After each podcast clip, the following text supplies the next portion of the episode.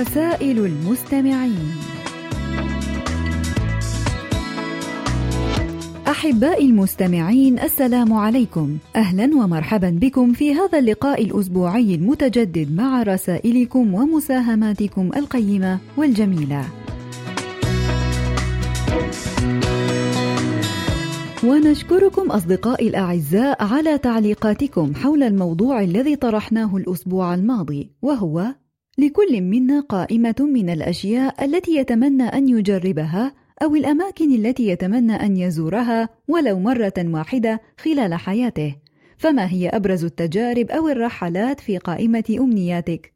وسوف نستعرض خلال هذه الحلقة بعض الردود التي جاءت إلينا على صفحتنا على فيسبوك.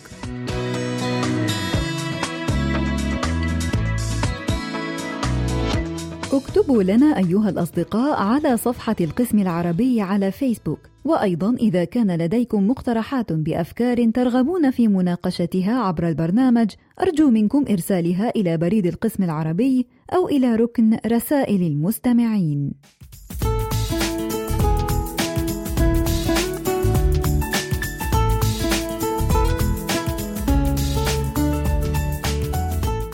ونبدأ مع الصديق عبد الإله إزو ومشاركة مميزة تحتوي على قصة حكيمة نقرأها فيما يلي.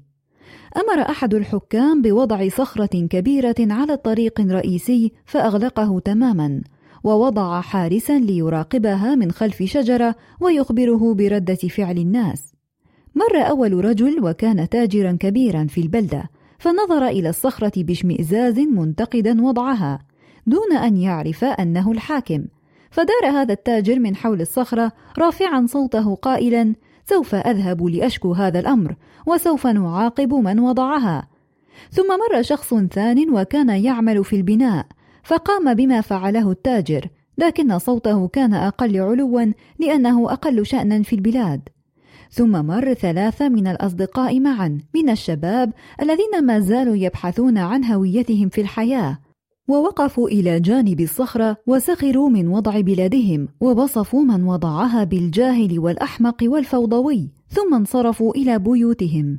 وبعد مرور يومين جاء فلاح من الطبقة الفقيرة فلم يتكلم وإنما بادر إليها مشمرا عن ساعديه محاولا دفعها وطلب المساعدة ممن يمر فتشجع آخرون وساعدوه ودفعوا الصخرة عن الطريق. وعندما أزاح الفلاح الصخرة وجد صندوقا صغيرا فيه قطع ذهبية ورسالة مكتوب فيها: من الحاكم إلى من يزيل هذه الصخرة، هذه مكافأة لك لأنك إنسان إيجابي، بادرت بحل المشكلة بدلا من الشكوى منها والصراخ. فلينظر كل واحد منا كم من مشكلة نعاني منها ونستطيع حلها بكل سهولة. لو بدأنا بالحل بدلا من التفكير في الشكوى.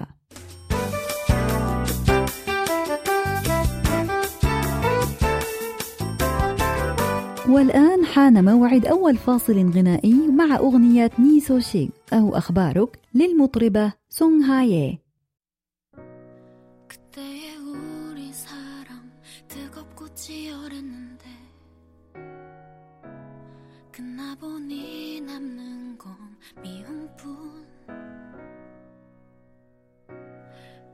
번의 계절을 더 보내야 괜찮아질까?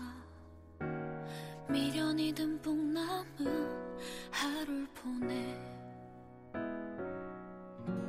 친구들과 통화에 우연히 들은 네 소식. 다른 ومن مصر أرسل إلينا الصديق الدائم محمد السيد عبد الرحيم المساهمة التالية تقول: سبعة مفاتيح يجب حملها. المفتاح الأول: الابتسامة مفتاح القلوب، لذا تبسم لكل من تقابله وتتعامل معه، لأنك حتما سوف تكسبه ولا تخسر شيئا. وتبسمك في وجه أخيك صدقة. المفتاح الثاني: الكلام، سلاح ذو حدين فاستخدمه لك حتى لا يكون ضدك وقبل أن تتحدث اعرف ما ستقول. المفتاح الثالث التروي وعدم العجلة، فالتروي والتأني في جميع الأمور يعطيك فرصة قد تفوت عليك لذلك قبل اتخاذ أي قرار فكر واستشر واستخر. المفتاح الرابع الصدق في القول والعمل. فالصدق فضيلة والكذب خيانة للنفس والذات قبل الآخرين. المفتاح الخامس الإخلاص في القول والعمل دون مراءة يجلب لك السعادة والرضا وطمأنينة القلب. المفتاح السادس المثابرة على العمل لا بديل لها لأن الإنجاز مرتبط بالمثابرة والنجاح مرتبط بالإنجاز والسعادة مرتبطة بالإنجاز وهذا الترابط العجيب يجعل المثابرة من أهم المعطيات. المفتاح السابع كن عضوا إيجابيا وفعالا ومؤثرا لأنك جزء من هذا الكون وهذا العالم. نشكرك على هذه الكلمات الجميلة.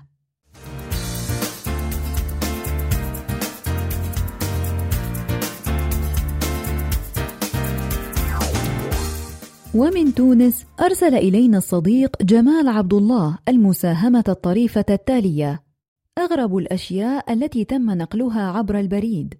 لا يزال البريد يستخدم حتى يومنا الحاضر على الرغم من التطور الكبير في مجال النقل والمواصلات، إلا أنه لا غنى عنه في حياتنا اليوم. وقديما كان هو الحل الوحيد للتراسل بين الأشخاص عبر الدورة الواحدة أو بين الدول وبعضها أو بين الدول والقارات كان البريد قديما هو الوسيلة الأرخص لنقل الأشياء نظرا لارتفاع تكاليف التنقل والسفر وصعوبتها أيضا ولذلك سوف نتعرف على أغرب ما تم نقله بالبريد عبر العالم قديما. أولا دبليو ريجنالد براي هو رجل بريطاني غريب قام بجمع عدد من الطوابع البريد وتذاكر القطارات.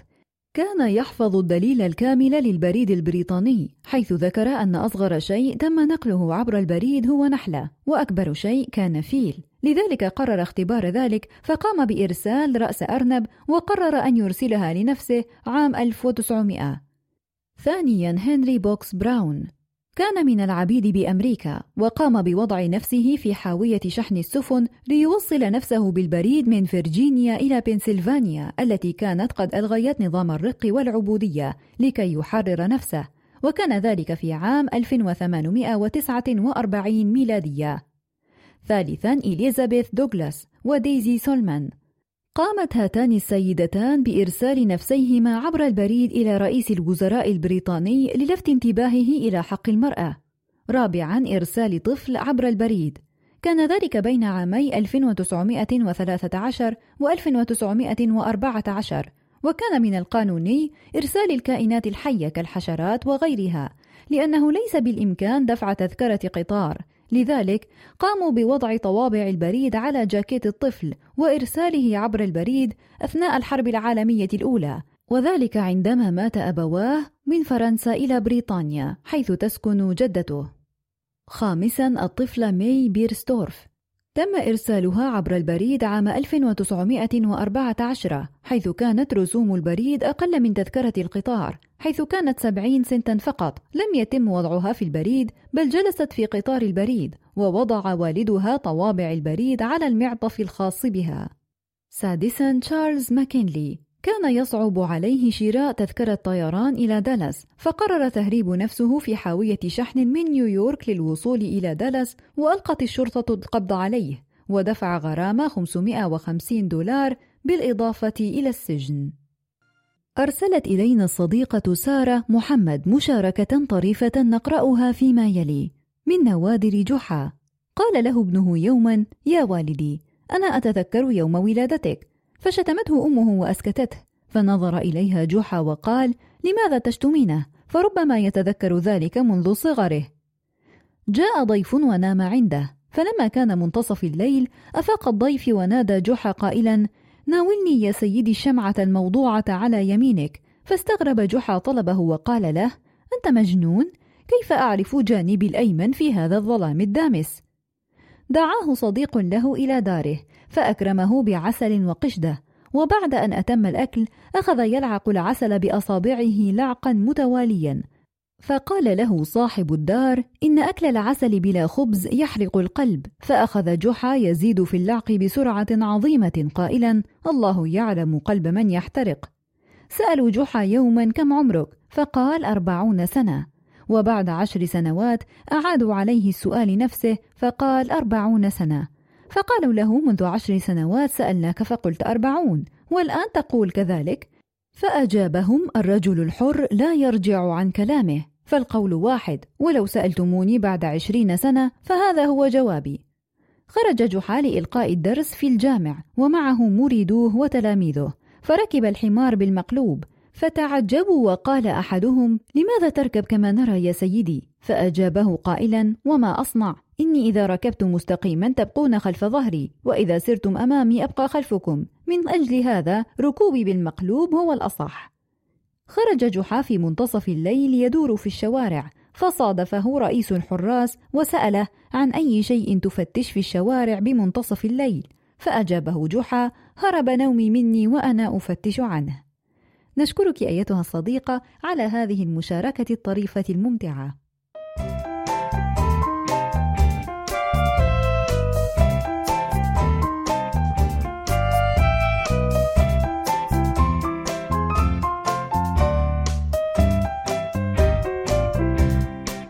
أرسل إلينا الصديق علي عبد الشكور مساهمة قيمة عن إنجازات ابن سينا نقرأها فيما يلي. ابن سينا عالم فذ من علماء المسلمين، كان له طيفا واسعا من الإنجازات الطبية التي اشتهر بها، ولكن منجزاته تتعدى حدود الطب كما سنرى. يعتبر المجال الطبي سببا لشهرة ابن سينا، وخصوصا كتابه القانون في الطب. الذي يعد موسوعة شاملة للمعلومات والمعرفة الطبية، شرح فيه الأمراض التي تصيب الإنسان في جميع أجزاء جسمه، ومن اكتشافاته أيضا في مجال الطب ما يلي: اكتشف العدوى وفهم طبيعة الأمراض المعدية وكيفية انتقالها.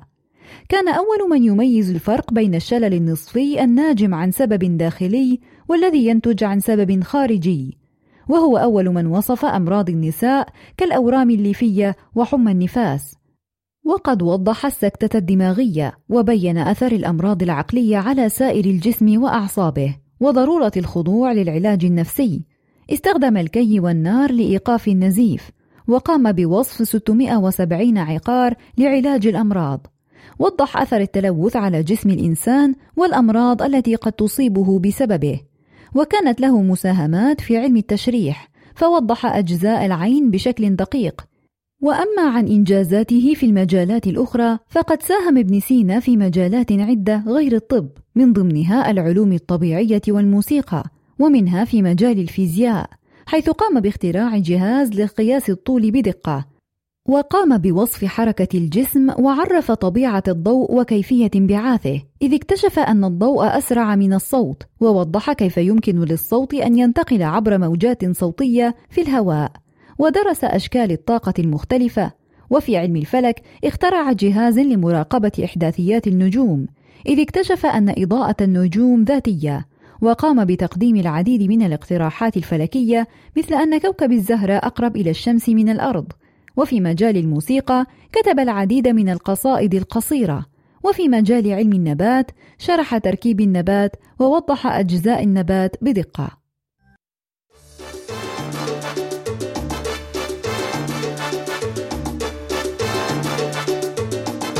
أحبائي وأصدقائي أدعوكم جميعا لإرسال تسجيلاتكم الصوتية التي تحتوي على مساهمات أو أشعار أو كلمات كتبتموها بأنفسكم.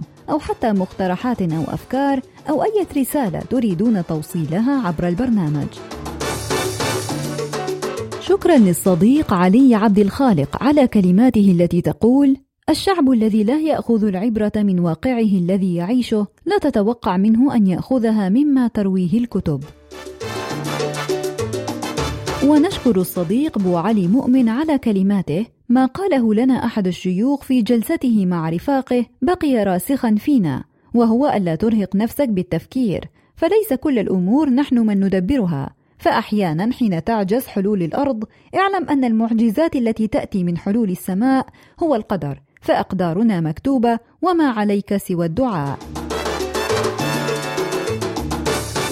شكرا للصديق عبد الله بوي على كلماته التالية. إنك لا تستطيع التنبؤ بالمستقبل لكنك تستطيع التهيؤ له. ليس كل من تحب يسعدك وليس كل من تكره يحزنك. فالمسكين رغم نعومته يجرح والدواء رغم مذاقه المر يشفي. شكرا للصديقة نهير محمود التي أرسلت تقول لو امتنع الناس عن التحدث عن أنفسهم وتناول الآخرين بالسوء لأصيب الغالبية الكبرى من البشر بالبكم. الصديق محمد صادق النادي أرسل إلينا بعضا من الأقوال والحكم الجميلة نقرأها فيما يلي: كن عادلا قبل أن تكون كريما، من زاد في حبه لنفسه زاد كره الناس له، يسخر من الجروح كل من لا يعرف الألم، أكثر الرجال حكمة الذي يظن أنه أقل حكمة، اللسان ليس عظاما لكنه يكسر العظام. إذا كنت مخلصا فليكن إخلاصك إلى حد الوفاء، وإذا كنت صريحا فلتكن صراحتك إلى حد الاعتراف. نمر مفترس أمامك خير من ذئب خائن وراءك. لسان العاقل وراء قلبه، وقلب الأحمق وراء لسانه. القناعة دليل الأمانة، والأمانة دليل الشكر، والشكر دليل الزيادة، والزيادة دليل بقاء النعمة، والحياة دليل الخير كله. تعلم من الزهرة البشاشة ومن الحمامة الوداعة ومن النحلة النظام ومن النملة العمل ومن الديك النهوض باكرا. من أحبك في عسرك ويسرك دون أن ينتظر منك معروفا واحتملك في غضبك وسرورك دون أن يضمر لك سوءا فذلك هو الصديق. اجعل نفسك ميزانا فيما بينك وبين غيرك. من اتكل في سفره على زاد غيره طال جوعه.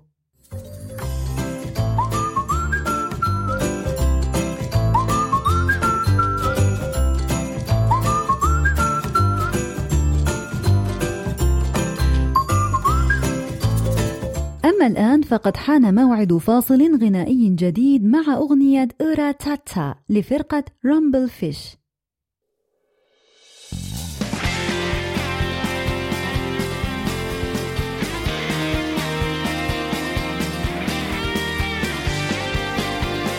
الصديقة سارة محمد أرسلت إلينا مقالا قصيرا بعنوان أصغر دولة في العالم.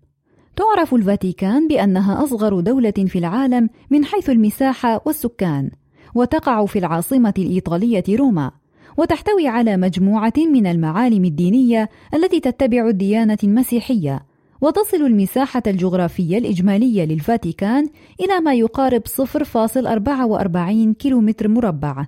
ولدولة الفاتيكان أهمية دينية، فتعتبر الحكومة المركزية للكنائس الكاثوليكية الرومية حول العالم، وهذا ما أدى إلى تميزها بأنها مستقلة استقلالا كاملا عن أي سلطة، لتكون قادرة على تنفيذ مهمتها في خدمة السلام والعدالة.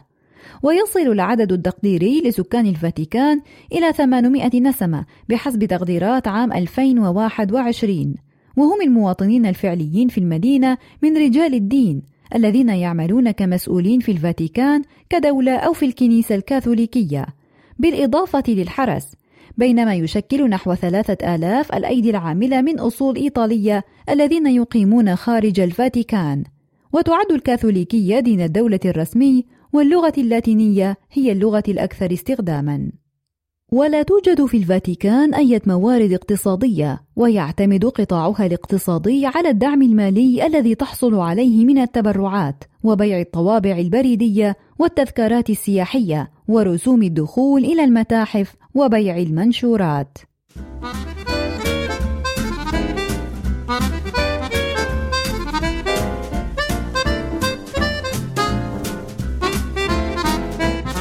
الصديقة سهيلة محمود أرسلت إلينا مساهمة عن طرائف الحيوان نقرأها فيما يلي. تعد الفئران من الحيوانات الحساسة للدغدغة، فهي تصدر أصواتا تدل على الفرح شبيهة بالضحك البشري، ولذلك عند مداعبتها في أماكن معينة من جسمها تصدر ذلك الصوت.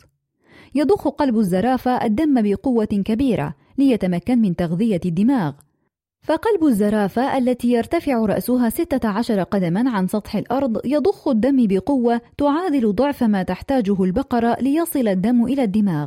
كما أن النظام الدموي في جسم الزرافة معقد بما يكفي لضمان عدم اندفاع الدم إلى الرأس عند الانحناء.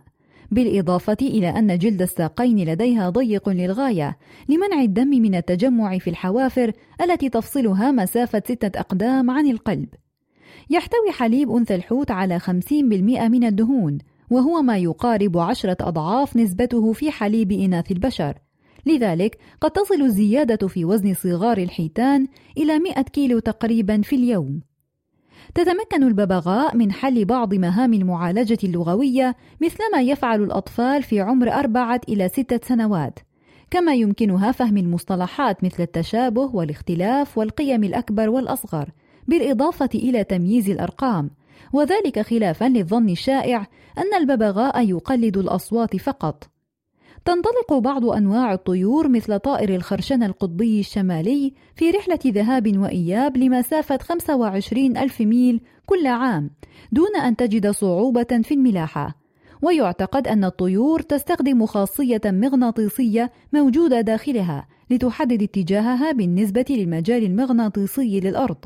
كما أن الحمام يستفيد من وجود بعض المعالم المألوفة على الأرض ليتمكن من إيجاد طريقه إلى المنزل.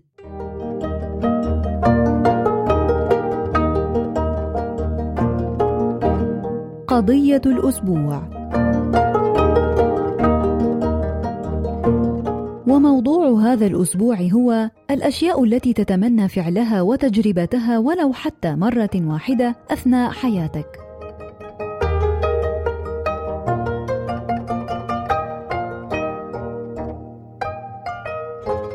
سالي أيمن تقول: أتمنى أن أقوم بجولة حول أوروبا مع مجموعة من الرحالة. عبد المالك يقول أن أزور كوريا الجنوبية. حلم من العام 1988 في هذا العام تعرفت على ال KBS سكينة تقول أتمنى أن أزور كوريا الجنوبية وأن أتعلم اللغة الكورية وثقافتها وأعمل هناك أيضا. سأكمل حاليا دراستي الجامعية وأتخرج. ثم أعمل بجهد وأجني المال ثم أزور كوريا الجنوبية وأدرس اللغة الكورية هناك بإذن الله. نادين الموماني تقول زيارة مكة المكرمة طبعا قبل أي شيء وزيارة كوريا خاصة جزيرة جيجو وسويسرا. علي بن شهرة يقول الحمد لله كل الأمنيات تحققت. أمنية أتمنى أن تتكرر وتتكرر وهي زيارة البقاع المقدسة وشرب ماء زمزم مرة أخرى. قاسم عبد القادر يقول لكل إنسان أمنيات وأحلام وبالنسبة إلي أمنياتي المستقبلية زيارة أكبر عدد من الدول واكتشاف ثقافاتها وسياحتها والتعرف أكثر على شعبها ولكن العين بصيرة واليد قصيرة. ولكن لا يبقى حال على حاله وستتبدد السماء ويحل الربيع وينفرج الحال إن شاء الله وتتحقق أمنياتي في معرفة الدول. لأنني منذ نعومة أظفاري أحب هواية السفر وربما يرجع ذلك لعامل الوراثة لأن جدي رحمه الله ووالدي لا يستقران في مكان ولديهم حب السفر لدرجة كبيرة جدا. وفي هذا المقام أتمنى أن تتحقق أمنياتي وأمنيات كل من يسمعني على راديو المحبة والصداقة KBS رسل عبد الوهاب تقول أتمنى أن أزور مكة المكرمة وأرى الكعبة وأطوف حولها وأصلي هناك. وأتمنى أيضا السفر إلى كوريا وزيارة مبنى ال KBS والتجول في أماكنها الجميلة والتقاط الصور التذكارية وتناول طعامهم. منار نور تقول بالحديث عن الأماني والسفر كوريا الجنوبية في أول قائمتي أنا أحبها. ولدي اهتمام كبير بثقافتها كما تمتلك العديد من الأماكن السياحية. حقا أرغب بزيارة جزيرة جيجو وبرج نامسان وتناول الراميون في نهر الهان. الحديث عن هذا حقا يجعلني متحمسة. نشكركم مستمعين في كل مكان على مساهماتكم القيمة التي لم نستطع استعراضها بالكامل لقلة الوقت المتاح ويبدو أن الكثير من أمنيات أصدقائنا تدور حول السفر والرحلات. وأتساءل ما إذا كان لذلك علاقة بالعزلة الإجبارية التي فرضها علينا جميعا الضيف الثقيل كورونا المستجد. على أي حال نتمنى أن تتحقق جميع أمانيكم وأن يتحرر العالم من الجائحة قريبا بإذن الله.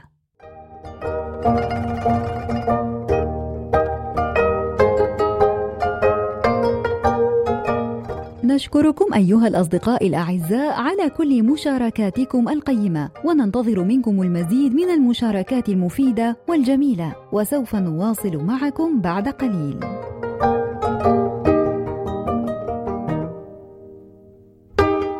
أحباؤنا ومستمعون في كل مكان نستمع الآن معا إلى أغنية سونين جانغ أو صبار لفرقة إبيتون بروجيكت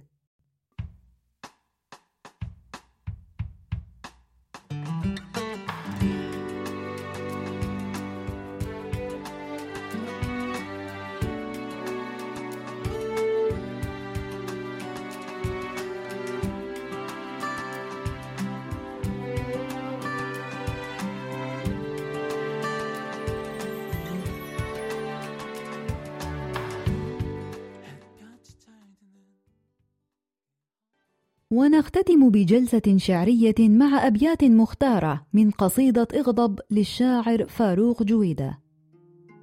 اغضب فإن الله لم يخلق شعوبا تستكين.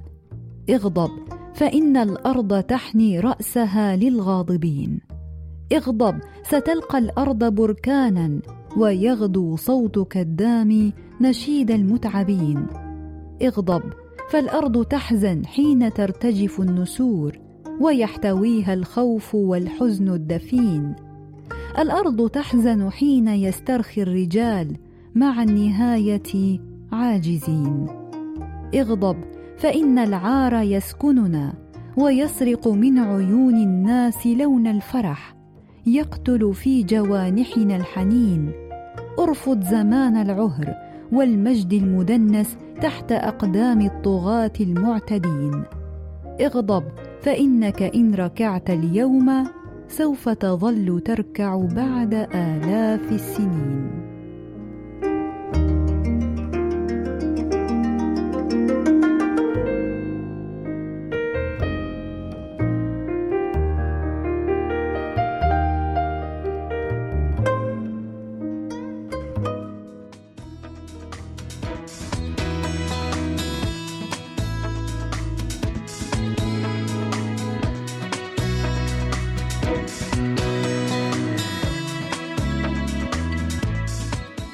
هكذا أيها الأحباء؟ وصلنا وإياكم إلى ختام حلقة هذا الأسبوع من برنامجكم المحبب رسائل المستمعين. ونعدكم أيها الأصدقاء الأعزاء بأن نلتقي معكم في مثل هذا الموعد من الأسبوع القادم إن شاء الله.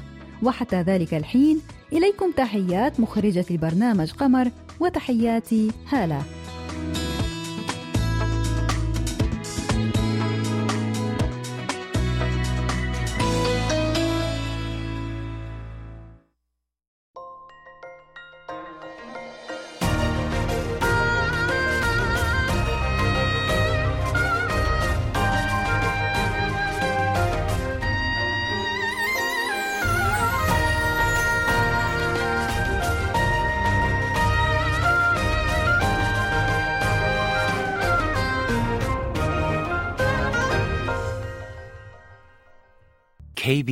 World Radio.